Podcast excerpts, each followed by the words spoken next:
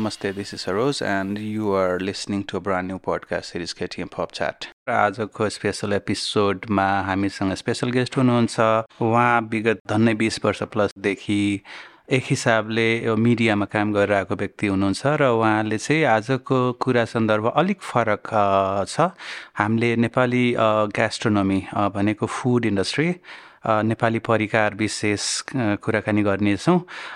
उहाँ हुनुहुन्छ केदार शर्मा। केदार सर स्वागत छ हजुरलाई। धन्यवाद सरजी केदार सर हजुरको परिचयबाटै सुरु गरौँ। हजुरलाई धेरै व्यक्तिले नचिनेको हुनसक्छ।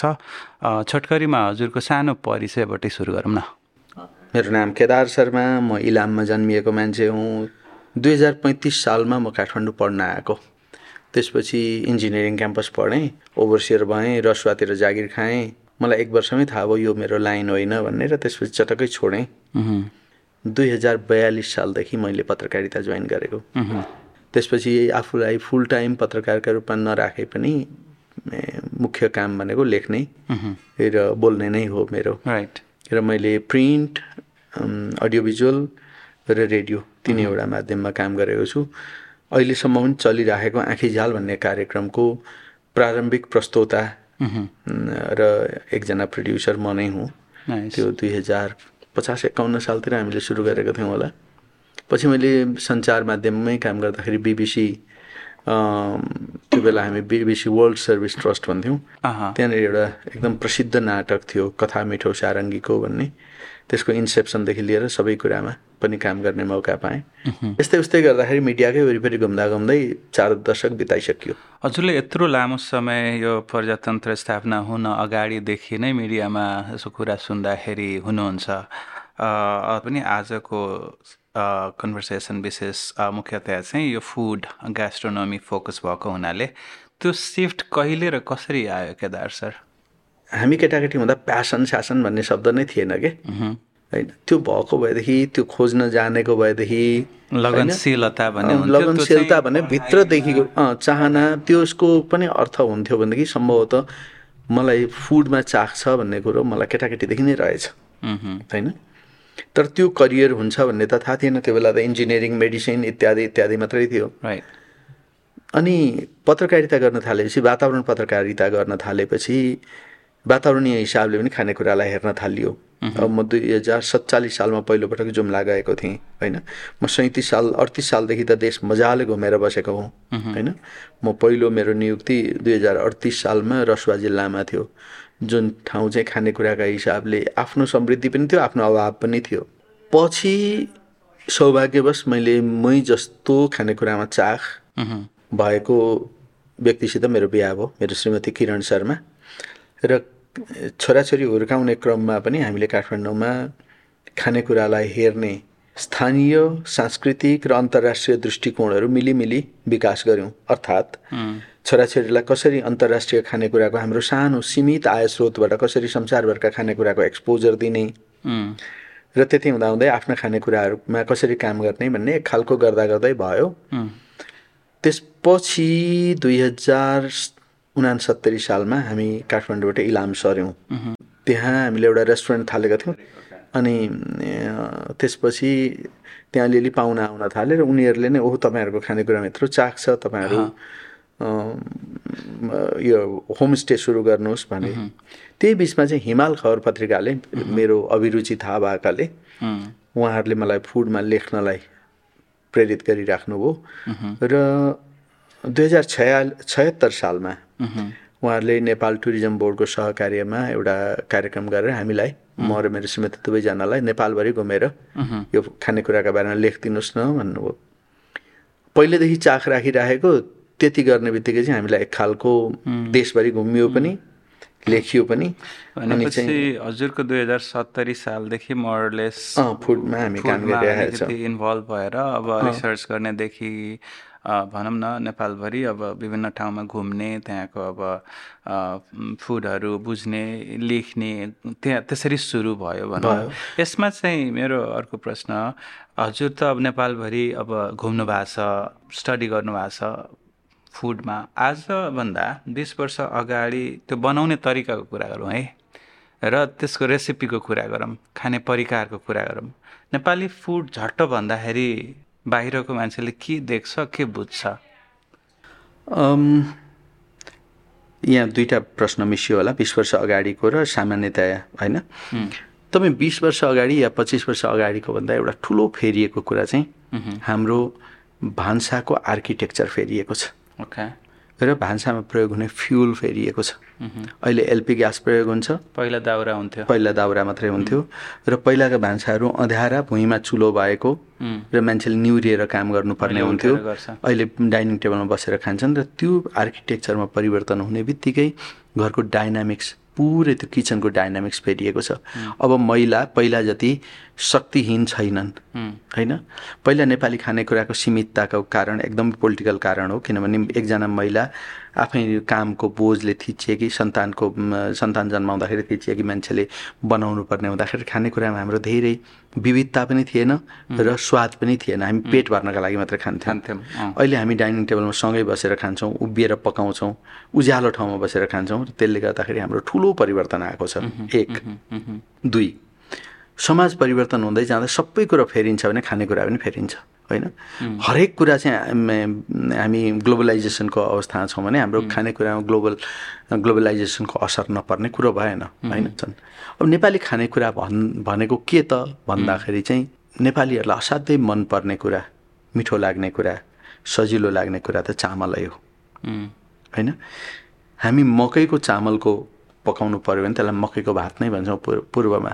पश्चिममा त्यसलाई आटो भन्छन्। अर्थात् त्यसलाई भात नुमा भात जस्तै लाग्ने नै बनाएर तरकारीसित मुछेरै खान हामी रुचाउँछौँ। चिनुको पनि त्यो बोक्रा फालिसकेपछि हामी चिनो चामल भन्छौँ होइन? चामलसितको हाम्रो लगाव। हाम्रो असाध्यै ठुलो कुरो हो। हिमाली क्षेत्रका केही ठाउँहरू बाहेक त्यहाँनिर जौ सातु इत्यादि खाइन्छ। दोस्रो कुरो हाम्रो सबैभन्दा रोचक कुरा के भने हाम्रो तरकारी हो। तरकारीमा एउटा विशाल समानता पाउनुहुन्छ। भारतीय तरकारीको भन्दा हाम्रो तरकारीमा मसला एकदमै कम। कम हुन्छ उनीहरू खोर्सानी मात्रै चार थरी हाल्छन्। काश्मिरी पनि हालिरहेको हुन्छ रङका लागि पनि हालिरहेको हुन्छ सुकेको पनि फुराइरहेको हुन्छ हरियो पनि काटेर हालिरहेको हुन्छ। हामीलाई एउटा डल्ले खोर्सानी मिच्न पायो भने नेपालीलाई पुग्छ। सरलता हो। तर त्योभन्दा पनि महत्त्वपूर्ण कुरा बेसार। हामी बेसारको रङ नभएको तरकारी हामीलाई तरकारी जस्तै लाग्दैन।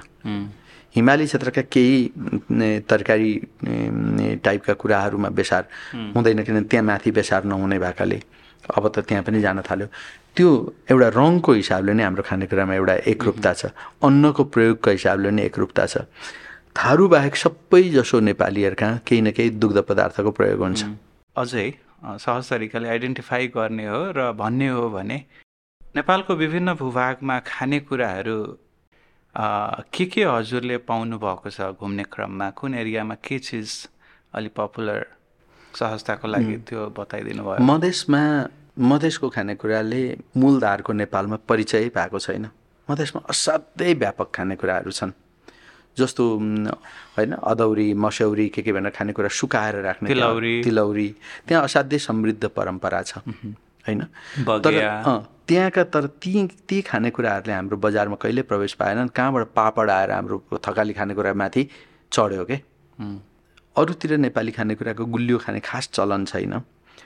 तराईमा चाहिँ उखु हुने भएकाले होला गुड हुने भएकाले होला र या पहिलादेखि भारतबाट चिनी ल्याएर गर्ने भएकाले केही हाम्रा स्विट डिसहरू पनि तराईमा अलि बढी लोकप्रिय छन्। मध्य पहाडी क्षेत्र तराई र मध्य पहाडी क्षेत्र दुवै या नेपालभरि नै माछा मासु खाने भन्ने असाध्यै ठुलो त्यो इज्जतको प्रतिष्ठाको स्वादको समृद्धिको परिचायक हो।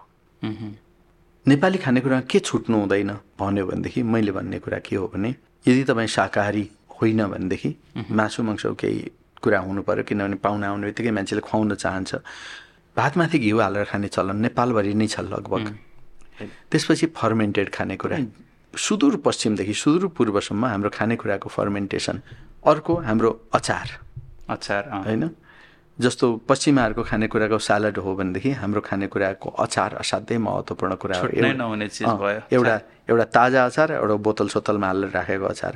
त्यसो हुँदाखेरि हाम्रा खानेकुराहरू चाहिँ तपाईँ जुनसुकै कुजिनमा जानुहोस् थकालीमा जानुहोस् मधेस जानुहोस् नेवारीमा जानुहोस् सामान्य त्यही हो। अब नेवारी खानेकुरा चाहिँ सबभन्दा समृद्ध हो एक नम्बरको किनभने यसमा गुठीको चलनले गर्दा र ठुलो जनावर काटेर मासु पकाउने भोजको चलनले गर्दा तपाईँले एउटा राँगा काट्नुभयो भने बिसजना मान्छेले त्यसमा काम गर्न मौका पाउँछन्। दुईजनाले एक्सपेरिमेन्ट गर्दा गर्दै त्यहाँ नयाँ डिसहरू पनि बनेको हुन्छ पुराना कुराहरू पनि छन्।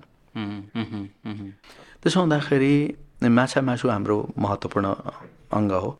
तपाईँ दक्षिण भारतमा गएर म बाहुन हुँ र माछा मासु खान्छु भन्नु भने तपाईँलाई उनीहरूले पुरै हेला गर्छन्। तर नेपालमा मैथिल बाहुन माछा नखाइकन हुँदैन। पहाडे बाहुनहरू माछा मासु त्यो यहाँ खाने नै चलन छ। सामान्य सामान्यतया भन्ने हो भने हाम्रो खानेकुराको पहिलो विशेषता चाहिँ के भने सरलता हो। हामीलाई एउटा खानेकुराको लागि धेरै समय लगाएर पकाउने फुर्सदै हुँदैन। अब बिस्तारै प्रगतिले गर्दाखेरि आर्थिक प्रगतिले गर्दाखेरि पहिला पहिला वर्षको दुई चार पटक माछा मासु खानेको घरमा अहिले नियमित जस्तो पाक्छ समृद्धिले गर्दाखेरि एक्सपोजरले गर्दाखेरि उपलब्धताले गर्दाखेरि। केही नामहरू भन्नु पर्यो भने नि सर? मधेसमा गएर तपाईँले के अरे दुध पोवा। होइन? या वीरगन्जतिर एउटा लप्सी भनेर खाइन्छ काठमाडौँको जस्तो फलेको लप्सी होइन पकाएको लप्सी खाइन्छ होइन? या सुदूरपश्चिमको निसुसे एक खालको केक जस्तो रोटी हो होइन? कर्णालीको ढोसो ढेसु जस्ता लगरहरू जस्ता खालका रोटीहरू छन्। किराँतीहरूको वाचिपा।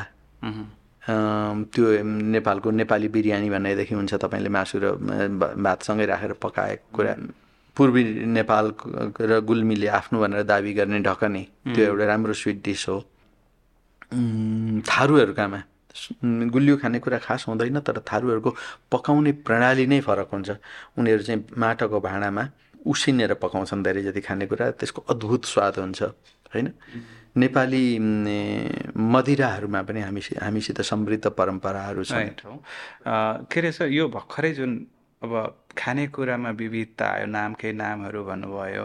यो चिजहरू यति हुँदा हुँदै अहिलेको समयअनुसार जुन फुड टेक्नोलोजीको कुरा अलिकति आएर जोडिन्छ।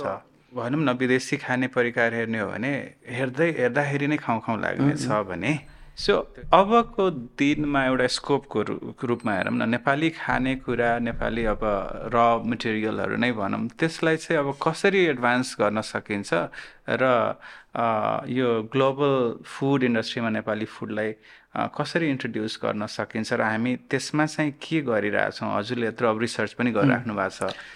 र यसैसँग जोडिएको नि केदार सर अब हामी धेरै जस्तो इम्पोर्ट गरिरहेछौँ भेनेगरदेखि लिएर। यस्तो यस्तो कुराहरू सिरपहरू भनौँ न जुन चाहिँ यहीँ बन्न सक्थ्यो यहीँ हुन सक्थ्यो नि त हाम्रै र मेटेरियलबाट सो यो चिजलाई हेरेर अबको दिनमा हामी कसरी काम गर्नुपर्छ होला जस्तो लाग्छ? पहिलो कुरो चाहिँ खानेकुरा कसरी स्तरीकरण हुन्छ भन्ने तपाईँको प्रश्नको जवाफमा चाहिँ काठमाडौँको मोमो हेर्नुभयो भने सबैभन्दा राम्रो उदाहरण हो। दुई हजार तिसको दशकमा फाइभ स्टार होटलमा पनि मोमो बेचिन्छ भन्ने कुरो कसैको कल्पनामा पनि थिएन। राइट त्यो बेला मासन गल्लीमा कता कता रञ्जना को गल्लीतिर दुई चार ठाउँ मात्रै मोमो खाने ठाउँ थियो। होइन? र त्यो मोमो बिस्तारै खाँदै गएपछि लोकप्रिय हुँदै गएपछि मान्छेले त्यसमा परिमार्जन पनि आयो होइन? अनि त्यसको त्यो प्लेटमा राख्ने प्रणालीहरूमा पनि सुधार आयो। अस्ति हामी काठमाडौँको एउटा एक ठाउँमा मोमो पसलमा गइरहेको थियौँ। उनीहरूले दस किसिमका दुई दुईवटा मोमो राखेर बिसवटा मोमोको बडा फरक फरक स्वादको मोमो दिए। बडा स्वादिलो लाग्यो। त्यसको अर्थ के हो भनेदेखि जुनसुकै खानेकुरा पनि पहिला स्ट्रिटबाट पपुलर हुनुपर्छ र मात्रै माथि जान्छ। एकैताल हामीले फाइभ स्टार होटल र विदेशी सोच्ने जुन हाम्रो बानी छ नि त्यो बानी खराब। दुई रेस्टुरेन्टहरूले खानेकुरामा एक्सपेरिमेन्ट गर्न सक्दैनन्।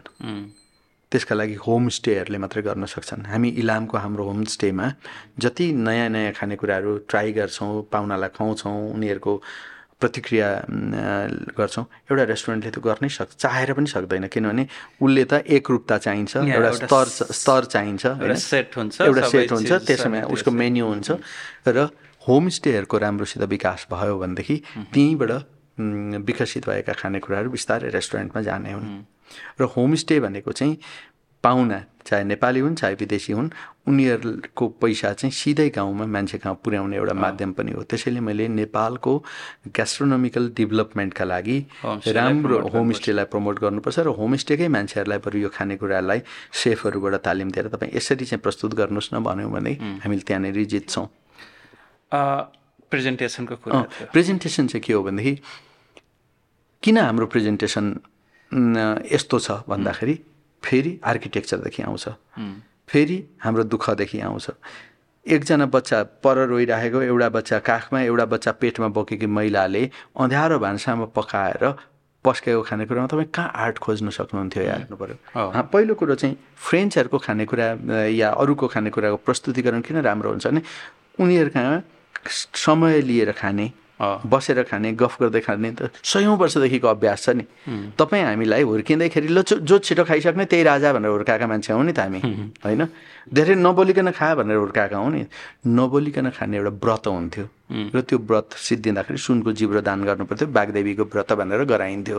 अर्थात् मान्छेलाई टेबलमा बसेर खाँदै गर्दाखेरि कुराकानी गर्नलाई त हामीले त जहिले पनि निरुत्साहित गरेका हौ नि त डिस्करेज गरेका हौ नि। होइन? संस्कारले तपाईँलाई सयौँ वर्षदेखि चाहिँ नबोलिकन खान सिकाएको छ प्रश्न नगरिकन खान सिकाएको छ खानेकुराको बारेमा छलफल नगरिकन खान सिकाएको छ। आजभन्दा मेरो हजुरबाले एकपटक एक दुई पटक मेरो आमाको प्रशंसा गरेको सुनेको छु मैले तरकारीको बारेमा। ए त्यो बैगुन ठुलीबारीले पकाएको मिठो हुन्छ भनेको छु। त्योभन्दा अगाडि अगाडि त पकाउने मान्छेले पनि त तारिफ पाएको होइन नि त। जहाँ चाहिँ पकाउने मान्छेले पस्किने मान्छेले तारिफै पाउँदैन थियो त्यहाँ तपाईँ कहाँबाट कला खोज्न सक्नुहुन्थ्यो? त्यो चाहिँ हो। अब तर अहिलेको सिनारीमा त त्यो बिस्तारै परिवर्तन पनि भइरहेछ। हामी अब यो रेस्टुरेन्ट कल्चरको कुरा गर्दैछौँ होइन? क्याफे रेस्टुरेन्ट्सहरू फाइन डाइनिङमा गइसक्यो नेपाली फुडहरू। त्यो कन्टेक्स्टमा मात्रै बुझ्न खोजेको। त्यो चाहिँ अब सेफहरूले पढे लेखेका सेफहरूले त्यही त। ल्याउनुपर्छ र पश्चिमा प्रभावबाट मुक्त हुनुपर्छ। राइट। सो एनिवे um, एउटा मैले छोड्नै नहुने प्रश्न के थियो भने यो फुडमा नेपाली फुडमा स्पेसली यो एकरूपता एकरूपताको कुरा गरौँ न इन्क्लुजनको कुरा गरौँ विभिन्न समुदायहरू छ जात जातिको फुड फरक छ। अब त्यसलाई विकास गर्नको निम्ति कति चिज हामीलाई अझै पनि थाहा छैन है? सुदूरपश्चिमतिर गयो भने त्यहाँको अघि न हजुरले जुन भन्नुभयो नि तराईको कति फुड कतिलाई थाहा छैन। अब त्यो प्रमोट गर्नलाई हामी कसरी काम गर्न सक्छौँ? अहिले चाहिँ स्थानीय सरकारहरूले प्रदेश सरकार र स्थानीय सरकारहरूले काम गर्ने हो। एउटा पालिकाले चाहिँ यो हाम्रो मेन्यु हो भनेर त्यहाँका होटल रेस्टुरेन्टवालाहरूलाई दिएर तपाईँ सक्नुहुन्छ भने यसबाट केही खुवाउनुहोस् भन्ने हो भनेदेखि किन हुँदैन? राइट या उनीहरूका कार्यक्रम हुँदाखेरि फेरि समोसा र चाउमिन मगाउनुको साटो आज चाहिँ हाम्रो हामी कहाँ यो यो लोक परिकार खाने है भनेर किन भन्न सक्दैन? अब नेपाल सङ्घीयतामा गएको सबैभन्दा ठुलो फाइदा चाहिँ के छ भने हामी स्थानीय रूपमा निर्णय गर्न सक्छौँ। स्थानीय पालिकाहरूमा पाँच लाख रुपियाँ खर्च गरेर म यो मेरो पालिकाको मेन्यु बनाउँछु भन्यो भने एउटा पालिका सबभन्दा अगाडि हुन्छ। त्यस कारण पालिकाहरूबाट गर्नुपर्छ। तर तपाईँको यी कुराहरूलाई चाख राख्ने यो कुरामा आर्जित ज्ञानको सम्मान गर्ने मान्छे चाहिन्छ होइन? यसमा अझै रिसर्चको आवश्यकता पर्छ। रिसर्च के छ भने अहिलेसम्म हामीसित जति रिसर्च छ नि अहिलेलाई हामीसित पुग्दो रिसर्च अब छ कि? कम्तीमा मसित म मेरो श्रीमतीको टिमसित अब हामीसित पुग्ने गरी छ। अन्त्य हुँदैन हामीले सबै कुरा जानेका छौँ भन्न खोजेको होइन। तर चार वर्ष अगाडि फिल्म साउथ एसियाको ओपनिङ डिनरको मेन्यु हामीले बनाएका थियौँ।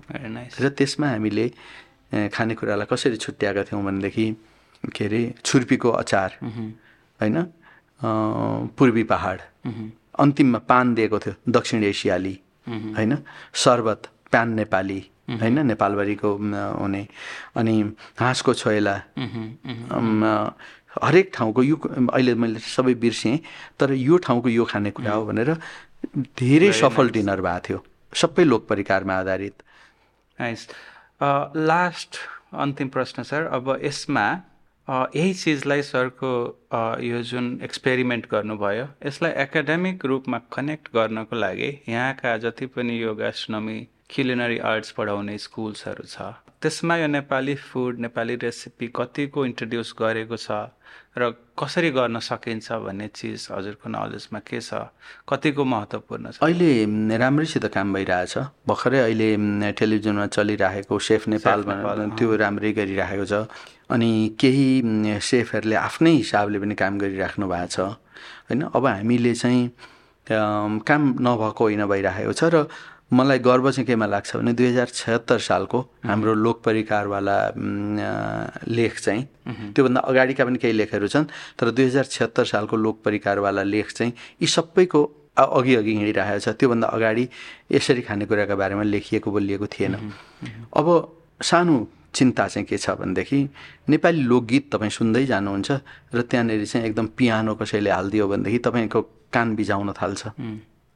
नेपाली लोक परिकार बनाउँदाखेरि तपाईँले कहाँ कहाँ चाहिँ बाहिरको इन्ग्रेडियन्ट्सहरू बाहिरको मसलाहरू हाल्ने भन्ने कुरामा चाहिँ सावधान हुनुपर्छ। अब लोकगीत त हो नि भनेर कोठामा बसेर लोकगीत रचना हामी कोठे लोकगीत भन्थ्यौँ नि र त्यसलाई एकदम फ्युजनवाला म्युजिक गरेर बजाइदियो भने नि मान्छेले सुन्न त सुन्छ। तर त्यसले कतिसम्म पुर्याउँछ भन्ने हो। अनि लोक परिकारको कुरा गर्दाखेरि त्यसमा आर्ट चाहिन्छ त्यसमा अलिकति ट्विस्ट चाहिन्छ होइन?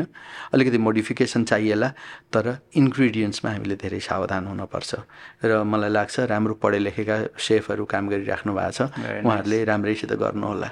Thank you so much Kedar sir. पक्कै पनि हजुरहरूको प्रयास यसमा अनुसन्धान जुन गरिराख्नु भएको छ देशभरि हिँड्दै हेर्दै बुझ्दै चाख्दै जुन रिसर्च गरिराख्नु भएको छ पक्कै पनि नेपाली फुडलाई माथि लानेछ अबको दिनमा नेपाली फुड्स पक्कै पनि हामीले यसलाई अझै व्यापक तरिकाले कमर्सियलाइज गर्न सक्छौँ र त्यसले हाम्रो नेपाली समाजमा इकोनोमिकली अगेन लाइभलीहुडमा मद्दत गर्नेछ भन्ने विश्वास राखौँ र यो एउटा ठुलो कल्चरसँग जोडिएको कुरा पनि हो आफ्नो पहिचानसँग जोडिएको कुरा पनि हो। त्यसले गर्दाखेरि हामी अब फुड इन्डस्ट्रीमा काम गर्नुपर्ने छ ग्यास्ट्रोनोमीमा काम गर्नुपर्ने छ। यसको लागि हजुरलाई धेरै धेरै शुभकामना र Thank you so much. So, thank you. I think uh, with this note, we have come to the end of the program. This podcast series is supported by the US Embassy, Kathmandu, Nepal. Thank you so much, the US Embassy, for supporting this kind of unique initiative by Bicol Art Center. Okay, so um, thank you so much. But before I say goodbye, I would like to request you to kindly subscribe our channel. We are based on different podcast platforms. So please do go check it out and see what you like, what you feel comfortable listening us or watching us. You could definitely choose the best platform you like. Thank you so much for listening us. See you next time. Bye bye.